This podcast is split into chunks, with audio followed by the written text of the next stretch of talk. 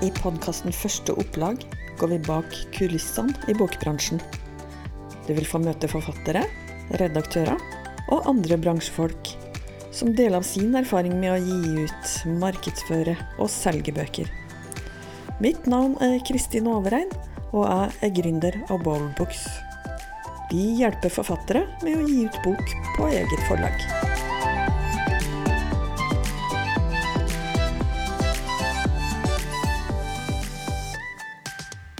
Fleste forfattere har allmennbokmarkedet som sitt marked, altså de bøkene som finnes i en bokhandel, som alle kan gå inn og kjøpe. Eh, mens du, Nils Håkon Nordberg, har rett og slett retta deg mot et marked hvor veldig få store aktører har fått dominere i, i all tid. Stemmer. Si. Ja. Og det er skolebokmarkedet. Yes. Og nærmere bestemt videregående skole. Mm. Mm. Og du jobber jo også der eh, som lærer, som historielærer. Nettopp. Så det veit jeg om deg i hvert fall, men fortell, eh, la meg få vite litt mer om hvem du er for noen som person. Som person, ja. Eh, nei, det er jo historie og engelsk og samfunnskunnskap som er mine fag i videregående, så utgangspunktet er jo at jeg holdt på å si vet litt hvor skoen trykker og hva, hva jeg ønsker meg. Så jeg har fått ut at jeg måtte Skal det bli greit, så må man gjøre det sjøl. Det er litt sånn, litt sånn den, den, den innstillingen, da, kan du si. Ja. For du, du skriver en bok om, eller du skrev en bok om det faget du underviser i, selvfølgelig. Mm. Eh, historiefaget. Fordi sånn som jeg skjønte det, så hadde du en litt spesiell måte å undervise i det faget på. Ja, eh, jeg syns den sånn tradisjonelle eh, historieboka er sånn litt eh, hva skal vi si, kjølig refererende på den ene siden, på den annen side, eh, litt sånn akademisk. Og det, det slo meg at det, hvis vi skal få folk til å lese mer, hvis vi skal få folk til å synes det er gøy å lese, så kanskje man skal heller bruke litt type journalistiske innganger og prøve å trekke noen perspektiver som kanskje ikke er trukket før, og på en måte spice opp ting med kanskje litt skjønnlitterære grep også. Så det var, det var litt det, egentlig. Ja, for det var, det var den måten du underviste på i utgangspunktet, som du hadde lyst til å formidle i bokform. Ja, egentlig. Fordi hva er, det, hva er det som skaper engasjement hos elevene? Det er jo noe som Fun facts. Får dem nysgjerrige, får dem overraska. Eh, klarer du å engasjere følelsene deres, eh, så har de på en måte med seg resten også inn i, inn i timene. Ja.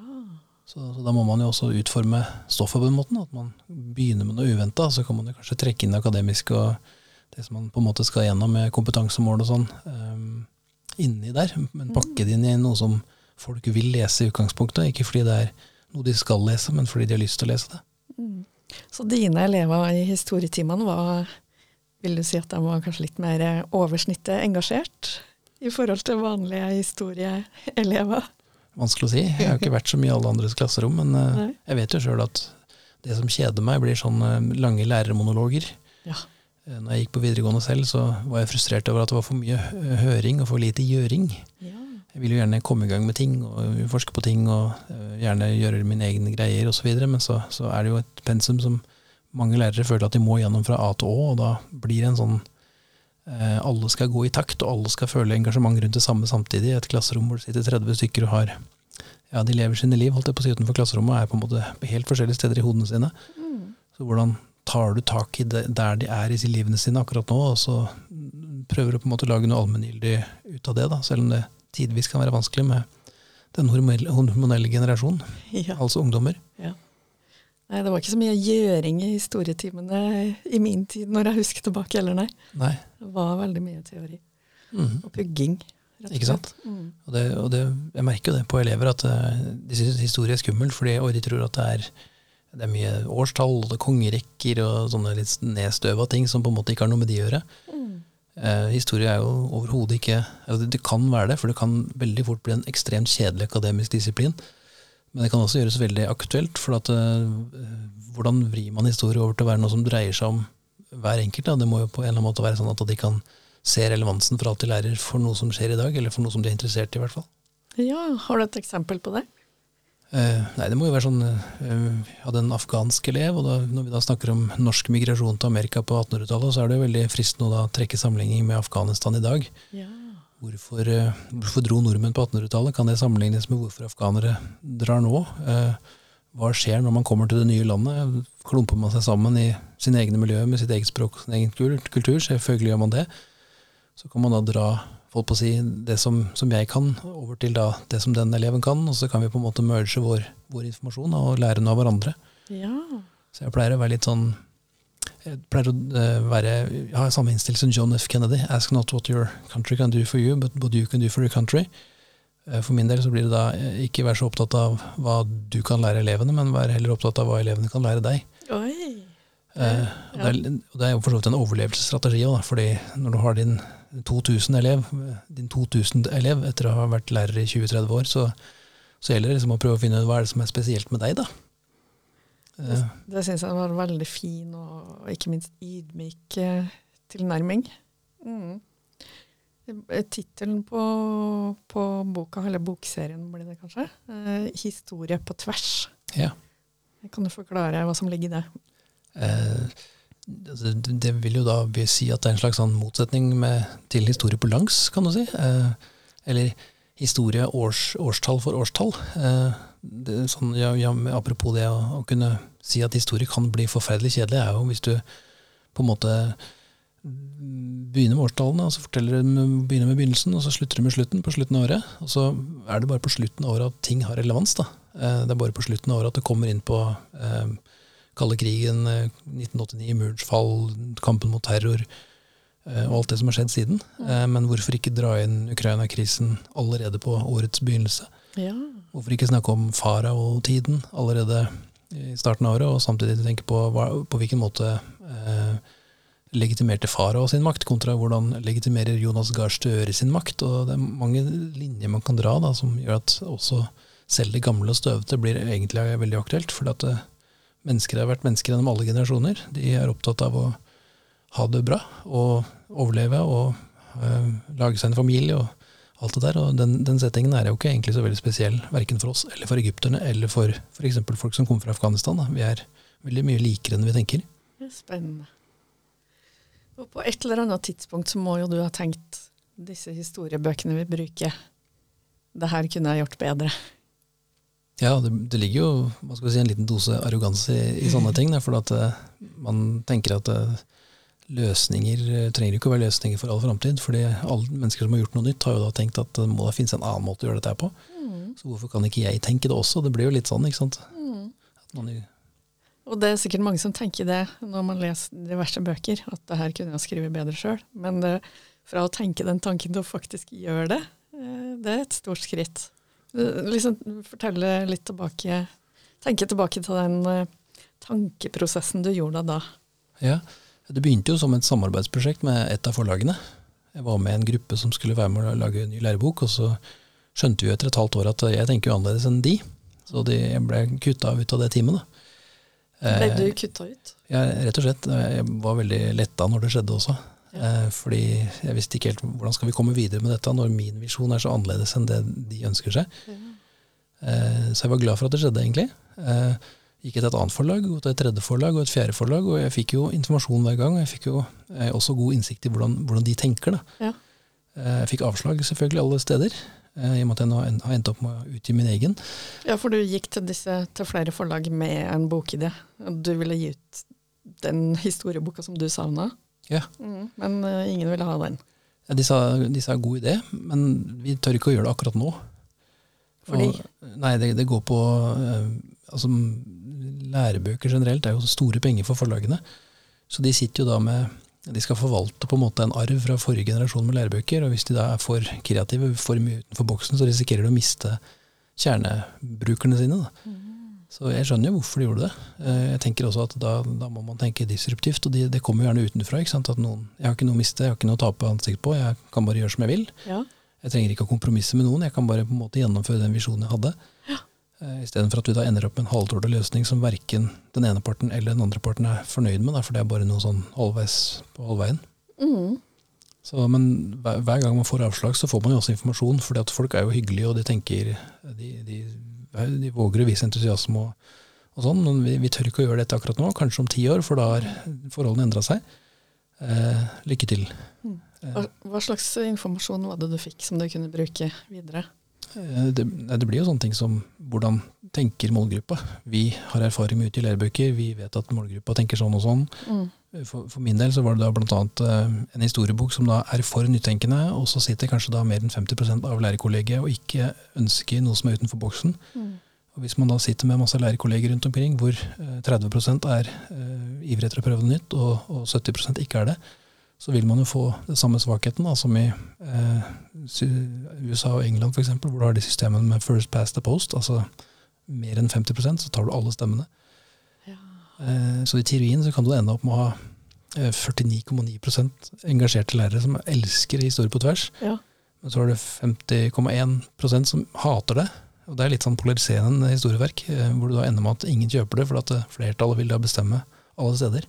Mm. Så det er jo eh, det er et katastrofescenario, da. For når, du snakker om målgruppe, så er det jo ikke eh, elevene som skal bruke denne boka som målgruppa, men det er lærerne. Eh, altså, hvordan foregår det egentlig på videregående skoler? Hvem er det som bestemmer hvilke bøker de skal bruke? Er det lærerne, og, og hvordan er prosessen der? Spesielt på videregående skole så er lærerne veldig autonome. Mm -hmm. Vil si at de bestemmer. Jeg vet på barneskole og ungdomsskole så kan det ofte være en, en sterk mellomleder eller, eller for så vidt et helt skoledistrikt som bestemmer at nå skal vi gjøre det på den måten. Alle skal bruke det samme verket. Ja. Mens på videregående så er det mye større grad av autonomi. Så hvis noen kommer og forteller en lærer hva han skal bruke av læreverk, så kan du banne på at han da steller seg på bakbeinet. Ja, så hver enkelt lærer. Ja, Så blir man ofte enig i lærerkollega at vi skal bruke samme lærebok. Eh, la oss stemme. Ja. Og så er det kanskje fire alternativer, da, og så er det noen elsker den, noen hater den, osv. Og, så og så ender man da opp med det som flertallet ønsker, rett og slett. Men da Oi, det var jo høyrisikoprosjekt her, for da måtte du jo vite at du fikk med deg et visst antall lærere til å være interessert i din bok, for at det her i hele tatt skulle være noe vits å starte med. Ja, ikke sant. Så prosjektet var vel et sånn prosjekt Jeg tvilte meg fram til det, for å si det sånn. Jeg syns jo, synes jo ideen min var genial selv. Ja. Men så må man jo da høre på utenforstående, da, høre om den hadde en kollega blant annet som fortalte om en han kjente som hadde eh, utgitt en lærebok og endte opp med å bare selge litt på sin egen skole. Oh, ja. Uff. Så, så du hører jo skrekkscenarioene også. Og så får du da input fra de eh, forlagene da, som sier hvorfor de ikke tenker sånn nå. Eh, og, og, og samme med ja, egentlig rett og slett bare presentere det for så mange mennesker som mulig og se reaksjonen i ansiktene deres.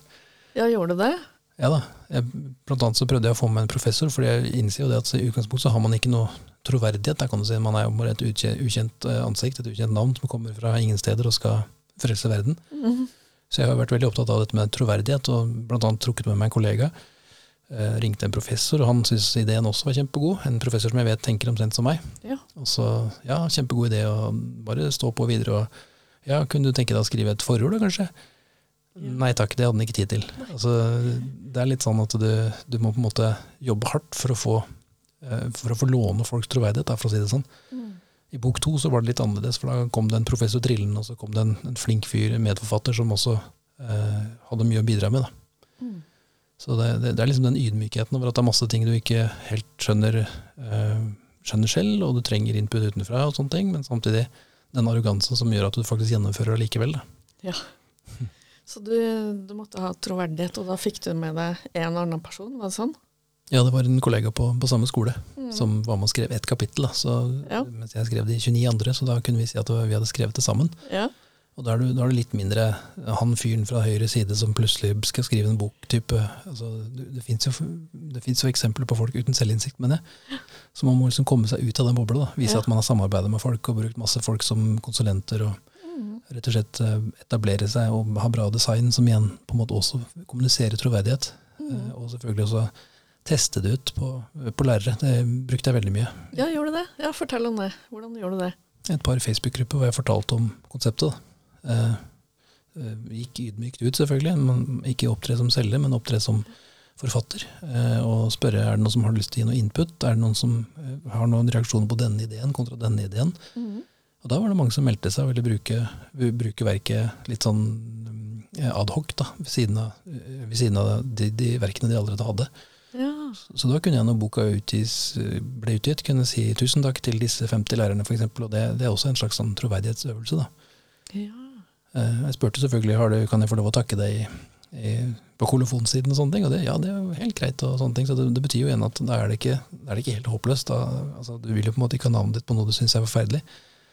Så det, du, du må liksom eh, Lakmustesten altså, Ok, jeg vil ikke skrive forordet, men jeg fikk iallfall med meg noen som, som, ville ha navnet sitt på det. Da. Så du involverte Gjorde du det? 50 forfattere Nei, forfattere, lærere? Du involverte 50 lærere i prosessen? Ja, det var noe sånt noe. Så, så, og noen av de ga ikke noe feedback, men en del av de ga også en del feedback. da. Ja. Så det var sånn eh, work of love, holdt jeg på å si. Altså betydningen folk er, har hver sine kjepphester, ikke sant. Ja. Eh, det gjør jeg for så vidt fortsatt. Jeg driver og lager tids, tidslinjeplakater nå i de samme forumene, og legger ut plakatene til fri bruk. Da. Og da får jeg også gratis tilbake at uh, du burde endre på det, eller nei, det var feil årstall, eller kanskje du burde trekke linjer til noe annet. Altså sånne ting. Så det, så det, er noe med at når man kan sitte og nerde sammen i en gruppe, så, så, så kommer det utrolig mye bra ut av det. da. Ja, som um, alle parter kan ha glede av. Ja, Så du eh, samla du disse interesserte lærerne i en egen Facebook-gruppe, var det sånn? Eller? Nei, det er, heter, det er en Facebook-gruppe som heter Historielærere, med 1600 brukere eller noe. Så er det en annen som heter Historielærere VGS. Mm. Og det er jo sånn at Historielærere er egentlig ganske konservative, og jeg tipper at mer enn 50% ikke er på Facebook. Ja. Eller sosiale medier, men de som er det, de er jo da til gjengjeld ganske engasjerte da, og får masse ideer av hverandre. og ja. Det er litt sånn med dele det du har, og, og, og, så videre, og samtidig få glede av det alle andre kan, kan, kan komme med. Jeg vil jo også tenke at det her var lurt, ikke bare faglig sett, men også salgsmessig sett. Fordi du samla jo leads, salgsleads, for å bruke det språket, da, til ja. boka skulle være klar for salg. Ja, det, man bygger jo kjennskap, ja. Mm. Så, så plutselig holdt det på et år, halvannet, før måte de var i prosessen med å skulle velge bøker. Og da, klart, da, da rekker det ordet å spre seg ganske vidt og bredt, da, kan du si. I tillegg til at jeg gjorde noen direkte henvendelser til skoler og sånne ting. Som jeg kanskje innbiller meg at hadde en betydning også, men stort sett tror jeg det at jeg, når jeg var til stede i de gruppene og diskuterte med folk og tok, tok input, og folk fikk litt eierskap også til prosessen, da, så, så får man på en måte dratt folk litt inn ja. i det. Ja, man føler eierskap vet du, når man har vært med og kommet med ideer, og i hvert fall blitt, at ideene har tatt, blitt tatt med. Og, ja, det er litt sånn. Eh, er det mange av de 50 lærerne som ender opp med å bruke, bruke boka da, sjøl? Jeg har ikke noen statistikk på akkurat det. Altså, flere av de er jo ildsjeler, og som har endt opp å være i mindretall på sine skoler. Det er vel en 36 skoler nå som bruker, bruker bøkene. Uh, og det hjelper veldig at det var Elvebakken som var det første som gikk ut og og sa at de ville bruke boka. Det er en stor skole, ikke sant? så det var plutselig 400 bøker solgt da, til uh, andreklassen på Elvebakken. Er en, det, er sånn, altså det, er noen skoler som er prestisjeskoler, og Elvebakken er jo en av de. Så det var veldig kult å kunne da få lov å bruke de som Hva heter det for noe? Sånn, uh, Testlesere, eller? Nei. Nei sånn uh, statement, eller ja, altså rett og slett bare ikke si 'hallo, nå har vi fått solgt bøkene til Elvebakken', hva sier pedagogisk leder Maria Gamman om, om boka osv. Så, så det går an å bruke Ja, som referanse. Det brukte han som referanse. Riktig referanse. Ja. Mm, ja. Så, ja, for det er jo litt spesielt når du får én kunde, så har du egentlig solgt 400 bøker. Ja, det er jo det som er det spesielle med skolebokmarkedet. At du selv med 36 skoler, så er jo det Det blir noen tusen etter hvert. 36 videregående skoler, det er jo ganske mange, det. det hvor mange videregående skoler er det her i landet? Ca. 400. Så det er jo nesten 10 da, markedsandel. Ja. Ja, noen skoler har bare én klasse, f.eks. Det, er, det er jo en del skoler som har valgt rett og slett at de deler seg, for det er fire forskjellige alternativer, og det er litt dumt at lærere skal måtte jobbe med noe de på en måte har blitt bare påført. Ja. Så sånn tipper jeg det er over hele linja, at det er litt, litt splitta. Ja. Men eh, jeg tripper vel også at av de fire bøkene ute, så er det nok min som har solgt minst. For det er jo et ganske stort marked. 170 000 elever i videregående skole til enhver tid. Mm. Eller nei, nå tøyser jeg, det er 220 000 elever i videregående skole til enhver tid. Og det betyr at uh, i hvert fall en halvpart av de skal ha historiebok. Mm. Så, så, kan man tenke seg selv, da. Uh, hva blir det for noe? Blir det kanskje 100 000 historiebøker som skal selges over noen år? Uh, som igjen betyr at det er jo enorme penger for forlagene. Ja, herlighet. Jeg, tenker, jeg skjønner jo veldig godt at de tenker konservativt. Det er, ikke noe, det er, noe, det er ganske farlig å tenke krumspring hvis du plutselig bommer på målgruppa di. Så, så, det er naturlig at det kanskje kommer en, en, tulling utenfra som på en måte kan uh, gjøre noe som, som, ikke, uh, som, ikke er så farlig for han. For han, da, han, kommer fra ingen steder, så han må det ikke noe ødelegge heller. Men altså, ikke så farlig, sier du, men eh, det her var jo Det er ikke gratis å gi ut eh, en bok sjøl. Og i hvert fall ikke en bok eh, som eh, den her vil jeg tro inneholder ganske mange bilder, f.eks. Mhm. Og da blir det fort dyrt både i, ja, i designprosessen og, og trykkinga, for du må ha ja, spesielt papir osv. Så, videre. Ja. så det var nok sikkert en påkosta produksjon. Ja, ikke sant? Som sagt så tvilte jeg jo meg fram til at dette var det riktige å gjøre. Gjør jeg det av de riktige grunnene? Gjør jeg det fordi jeg har tro på konseptet, eller gjør jeg det fordi det er kult å utgi en bok? Ja. Og så var jeg veldig glad for at jeg hadde dere i Bollbook som kunne betrygge meg på hva det faktisk endte opp med å koste. Da. For det, det er jo det viktigste tingen man må finne ut av. Ja. Er, har jeg råd til at dette går gærent? ja. Eh, og det fant jeg ut. da. Det, det kom på til slutt eh, litt mer enn jeg hadde regnet med, for at jeg måtte jo også utgi en nynorsk versjon. Å ja, så klart. Et av de forlagene fortalte meg det. Så det var en grei opplysning før jeg utga boka, at det står i opplæringsloven at skoler strengt tatt ikke har lov til å kjøpe læreverk som ikke samtidig fins i en annen mål, målform.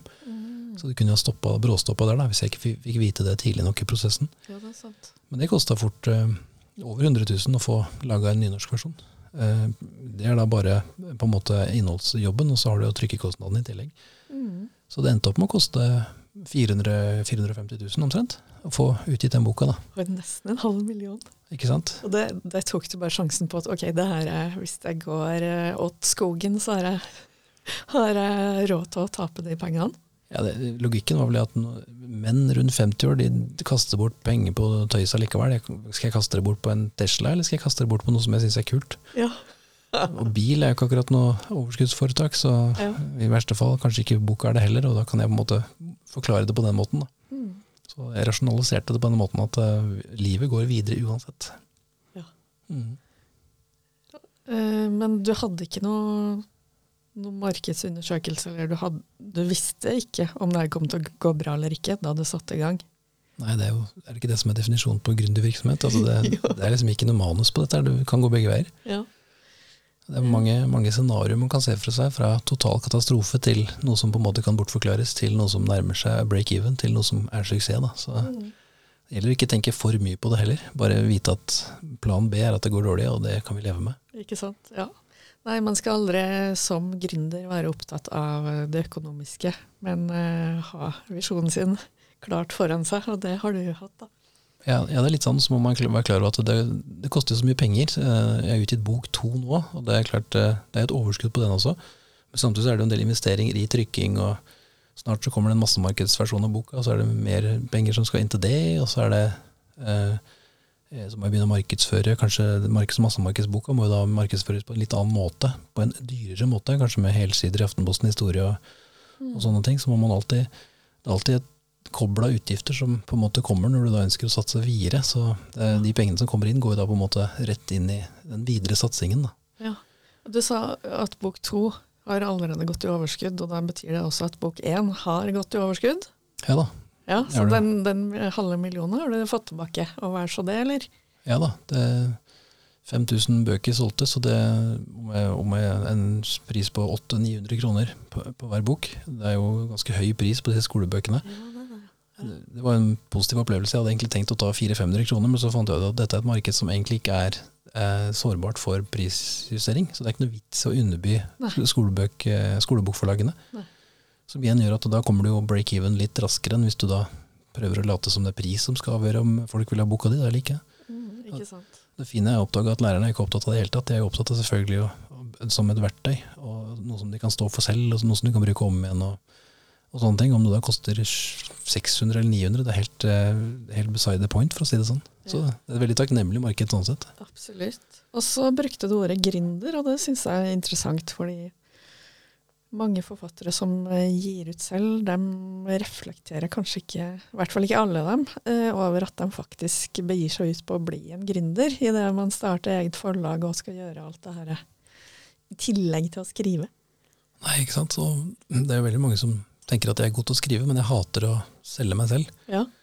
Eh, Og jeg er jo litt sånn selv også, selv om jeg kanskje ikke er så eh, sjenert, for jeg er jo også lærer, ikke sant? så jeg er på en måte vant til å prate med folk og tenke at du er jo en del av ditt eget produkt, så du må jo da tenke på deg selv som det.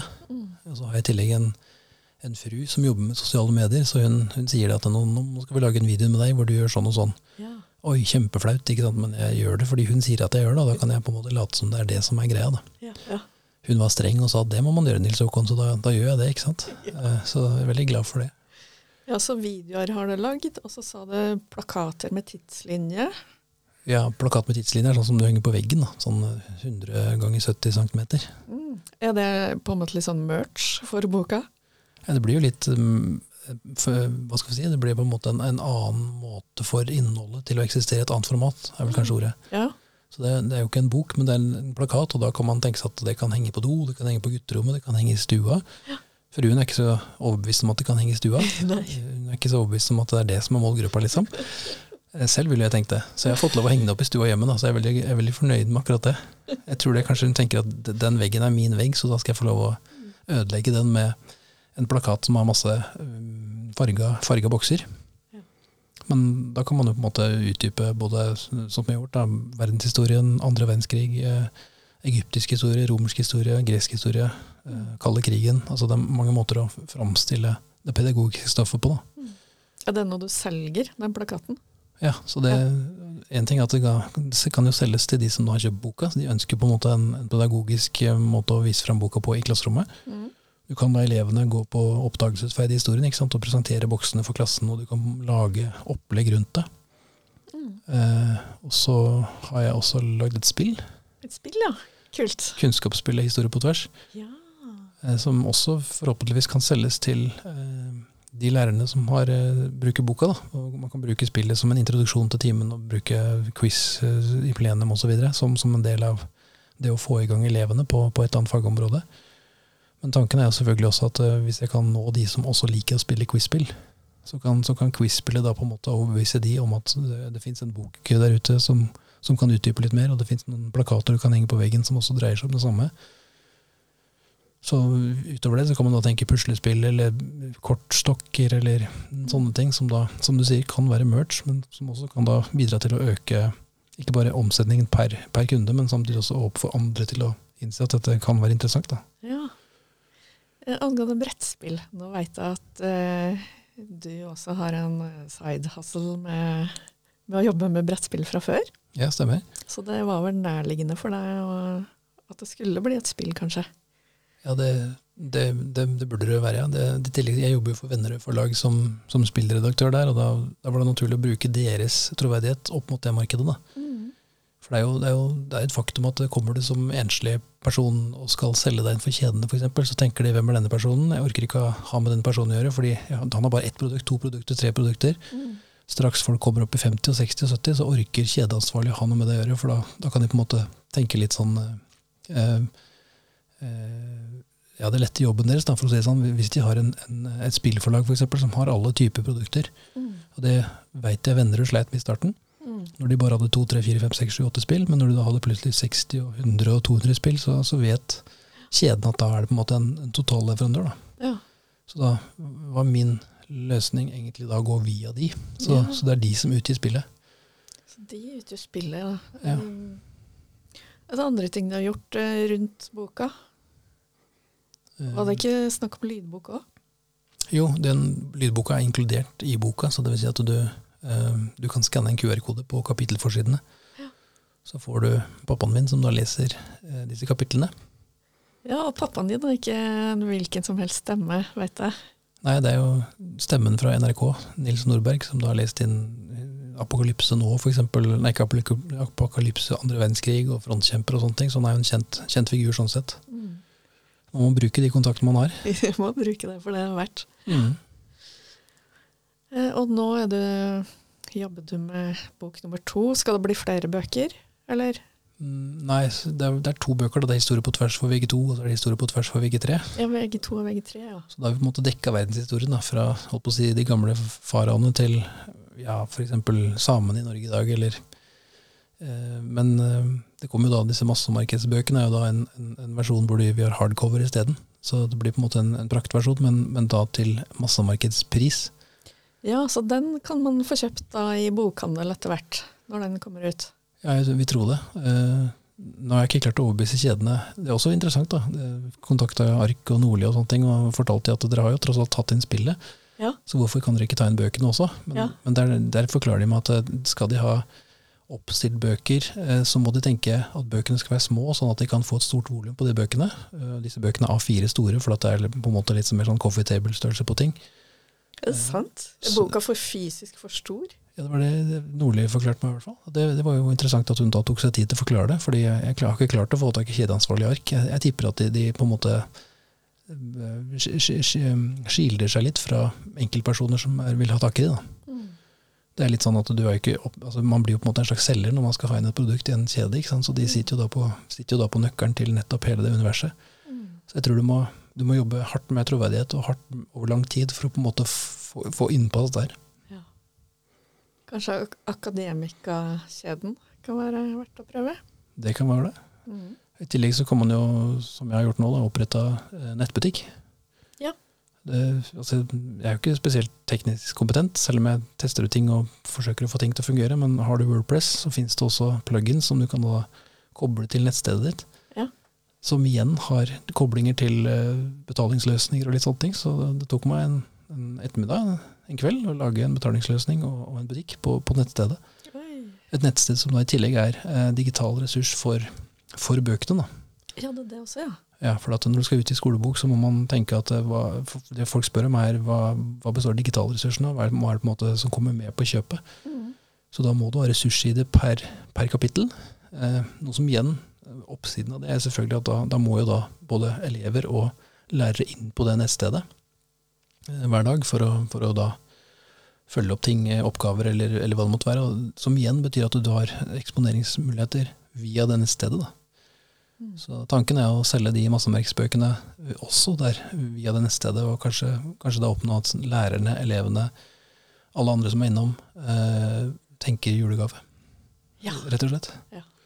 Så jeg har en litt sånn hemmelig tanke om at Sofies verden var jo, den, den traff jo verden på et riktig tidspunkt i forhold til interesse for filosofi, og hva gir man til konfirmanten som føler som det har en verdi mer enn bare i smykker, ikke sant? Jo, kanskje den Sofies verden som da kan gi de tanker om framtiden, og så håper jeg jo da at eh, en historiebok kanskje kan fylle litt av den, eh, den, den nisjen, kan du si.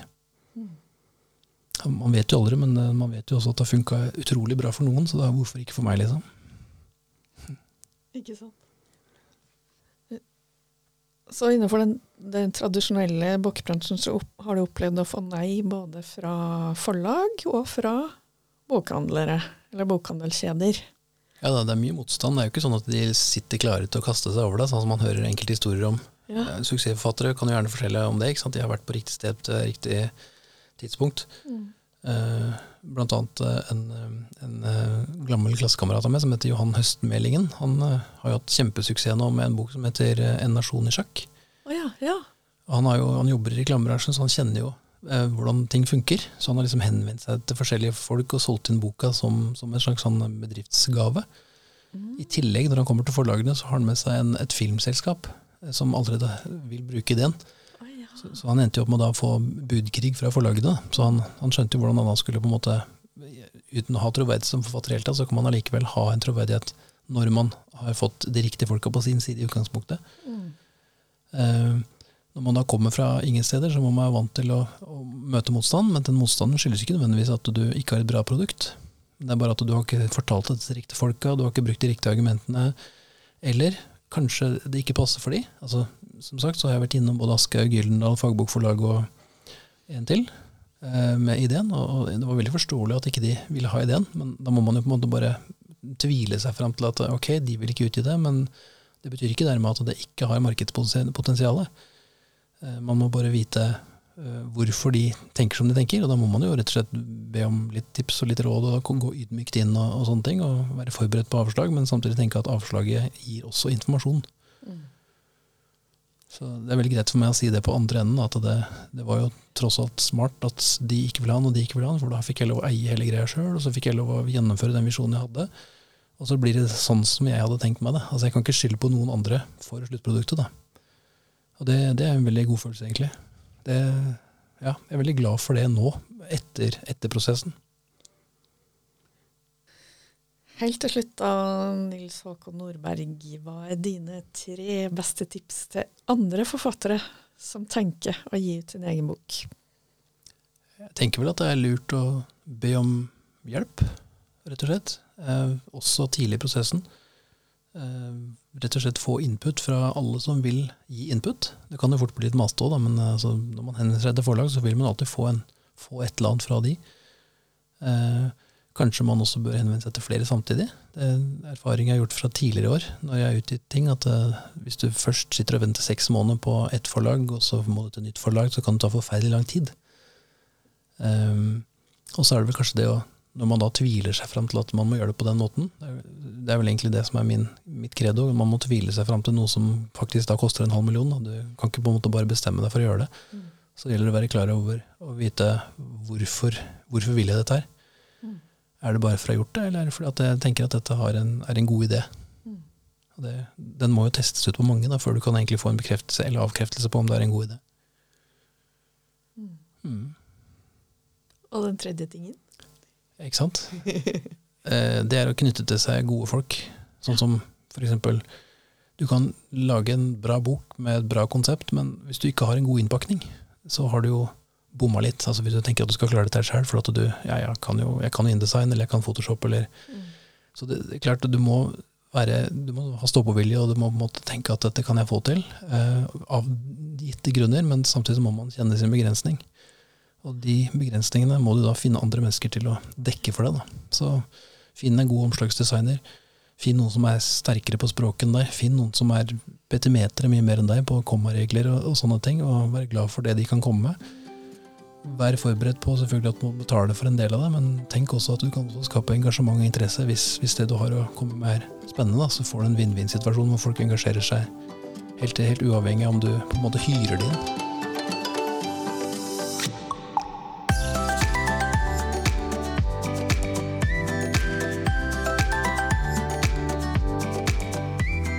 Du har hørt en episode av Første opplag, en podkast produsert av Boldbooks. På boldbooks.com kan forfattere få direkte tilgang til eksperter i alle deler av bokprosjektet. Alt fra redaktør og korrektur til bokdesign og trykking. Forfatteren investerer i kvalitet og beholder full kontroll og alle rettigheter og inntekter av sin egen bok.